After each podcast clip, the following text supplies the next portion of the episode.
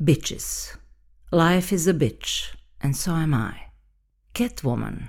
Povratak Batmana 1992. Šta znači bitch? Znaju i oni koji nemaju pojma o engleskome. Bitch ima protočnost i učestalost riječi fuck. Njezina cirkulacija je globalna. Riječ bitch zvoni posvuda, naprosto zato jer američke TV serije i filmovi putuju posvuda. U slavenskim jezicima riječ bić potisnula je bogati domaći repertoar riječi s istim značenjem. Tko zna otkuda se otela stara riječ bić? Možda iz fraze sanava bić, gdje je riječ zanijekala svoje majčinstvo, odbacila svoga sina, osamostalila se i u svome karnevalskom osvajačkom pohodu istisnula sve ostale riječi – Bič nije samo izraz familijarnosti među mladim ženama, kao što je Niger izraz familijarnosti među pripadnicima mlade, urbane i socijalno obilježene afroameričke skupine. Bič ne pripada samo američkom socijalno, rodno ili dobno obilježenom slengu. Bič je više od toga. Blagoslov globalnom pohodu riječi dale su američke feministkinje trećeg vala, tog koji je iznikao iz punk roka, hip hopa – konzumerizma i interneta. Bič se najčešće odnosi na mlade žene. Žene, čiji je slogan to be real, vjerovale su da je bolje pozitivno preokrenuti značenje riječi nego je cenzurirati. Dok je Gloria Steinem okupljala američke feministkinje oko časopisa Miz, feministkinje trećeg vala okupljene su oko časopisa Bič. U šarenilu trećeg vala feminizma – koji razbija pretpostavku univerzalnog ženskog identiteta izgrađenog na iskustvima srednje klase bijelih žena, mogu se naći raznoliki pravci djelovanja.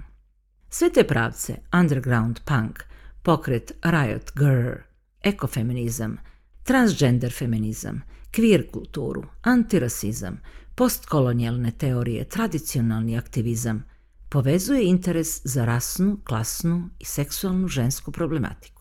Tko je, dakle, bič. Bič je žena koja, kažu, ima svoje mišljenje i ne libi se da ga glasno i jasno iskaže. Žena koja zna šta hoće i koristi sve što je stoji na raspolaganju da bi dobila to što hoće, baš kao i u poznatom američkom songu Whatever Lola wants, Lola gets. Iznošena je istina da su mediji, televizija, film, internet najjači promotori slika, ideja, ideologija i moda – Mediji oblikuju našu svijest. Moja mama je propušila kao strastvena ljubiteljica hollywoodskih filmova.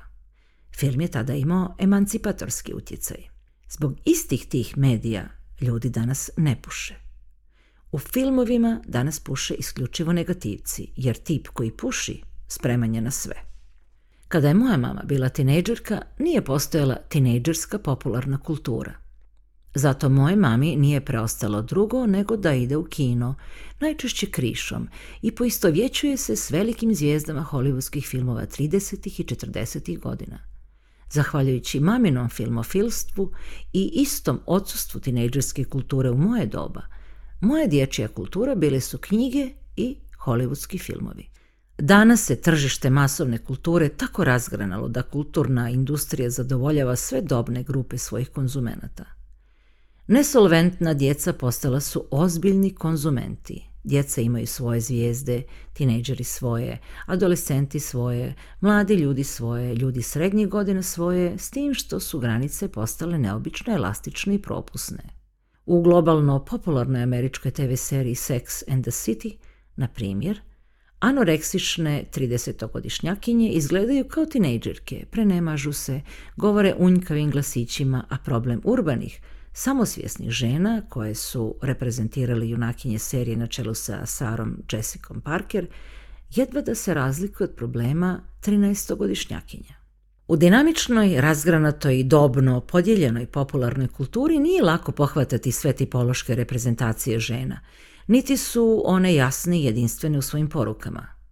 Patrijarhalni sadržaji često su maskirani emancipiranim imidžom. U šarolikoj tipologiji ženskih likova – Čak i onih koji žele ostaviti feministički dojam, samo je jedan ženski lik zaista emancipatorski. Taj lik je žena ratnica, tough girl, wonder woman, woman warrior, action chick, koje se u popularnoj kulturi pojavljuju u mnogim varijantama. Likovi žena ratnica generiraju se iz stripova ili videoigara i dalje se rasađuju po filmovima, televizijskim serijama, žarovskim romansama – fantasy novels, gothic novels, historical fantasy i tako dalje. U industriji igračaka, suvenira i slično. Među likovima žena ratnica naći ćemo djevojčice, tinejdžerke poput Buffy, ubica vampira. Buffy nije avanturistkinja koja će krenuti u potragu za vampirima, jer vampiri su posvuda oko nje, u školi, među suučenicima. Za razliku od skromne Buffy, Lara Croft je avanturistkinja bogata plemkinja atletske građe, arheologinja, poznavalac starih civilizacija jezika. Lik Lara Croft izrastao je iz video igre kao ženski pandam Indiana Jonesu, a pojavljuje se u filmovima Angelina Jolie, stripovima, romanima i crtanim filmovima. Ksena, princeza ratnica, dolazi iz jeftinog historical fantasy žara. Ksena je amazonka, ženski pandan Herkulesu, i, iako nigdje nije rečeno da je bugarka, u borbi ispušta zvukove slične folklornom napjevavanju bugarskih žena. Ksena je usamljena ratnica isprva skrivenih, a onda i otvorenijih lezbijskih sklonosti. Lik ratnice u Kill Bill, u Maturman, Kventina Tarantina, rođen je iz mješavine hongkonških filmova, špageti westerna i japanskih samurajskih filmova.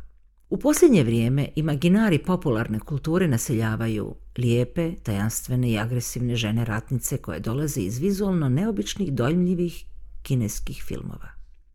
Emancipatorska transformacija žene najeksplicitnija je u filmu Povratak Batmana gdje se Musi Selina, Michelle Pfeiffer, ženstvena, nesigurna i pokorna sekretarica koja živi u svijetu kojim dominiraju muškarci – pretvara u opasnu i zavodljivu Catwoman. Na istom principu transformaciji žene miša u ženu mačku, iz ugrožene žene u ženu koja ugrožava, temelje se i proizvodi s ozbiljnijim pretenzijama kao što je, na primjer, ikonički film Thelma and Louise. Kada zamislim svoju mamu i njezinu unuku i pokušam napraviti usporedbu između njihovih kultura, između njihovih identifikacijskih sadržaja i ikona, odmah uočavam veliku razliku – moja mama se formirala na hollywoodskim filmovima. Njene ikone bile su Catherine Hepburn, Carol Lombard, Lauren Bacall, Barbara Stanwyck, Bette Davis, Joanna Crawford, Ava Gardner, Marilyn Monroe i mnoge druge. Kada danas gledam te filmove, ostajem zapanjena činjenicom da su muški i ženski likovi ravnopravni. Prije svega zato jer razgovaraju kao ravnopravna i inteligentna ljudska bića. Ako prizovemo u pamet samo riječite i duhovite dijaloge između Catherine Hebern i Spencera Tracy'a, ili pak e, Cary Granta, ostajem osupnuta poražavajućom činjenicom da današnji, tobože, emancipirani ženski likovi uglavnom šute. A šute jer očito nemaju što za reći. Dijaloške liste za nekadašnje hollywoodske filmove i televizijske serije pisali su uglavnom muškarci – Odnosi između muškaraca i žena bili su idealizirani, ali su ujedno uspostavljali idealan standard ponašanja između muškaraca i žena. Odsustvo dijaloga u današnjim filmima dokaz je poražavajućeg odsustva potrebe za dijalogom.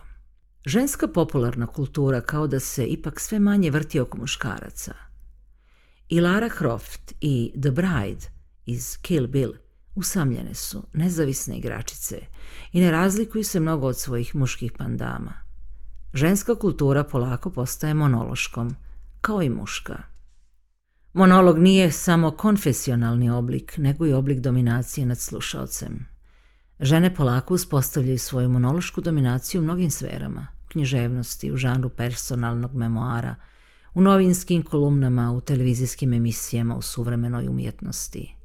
Žene su odvezale jezike, lajače, alapače, prostače, kakva je na primjer televizijska persona Ruby Wax ili pak suvremena engleska umjetnica Tracy Emin, postale su popularne. Žene su izborile pravo na monolog, na dugi jezik. Iako će na to reći da je dugi jezik oduvijek bio oružje bespomoćnih, dvorskih luda i šehrezade.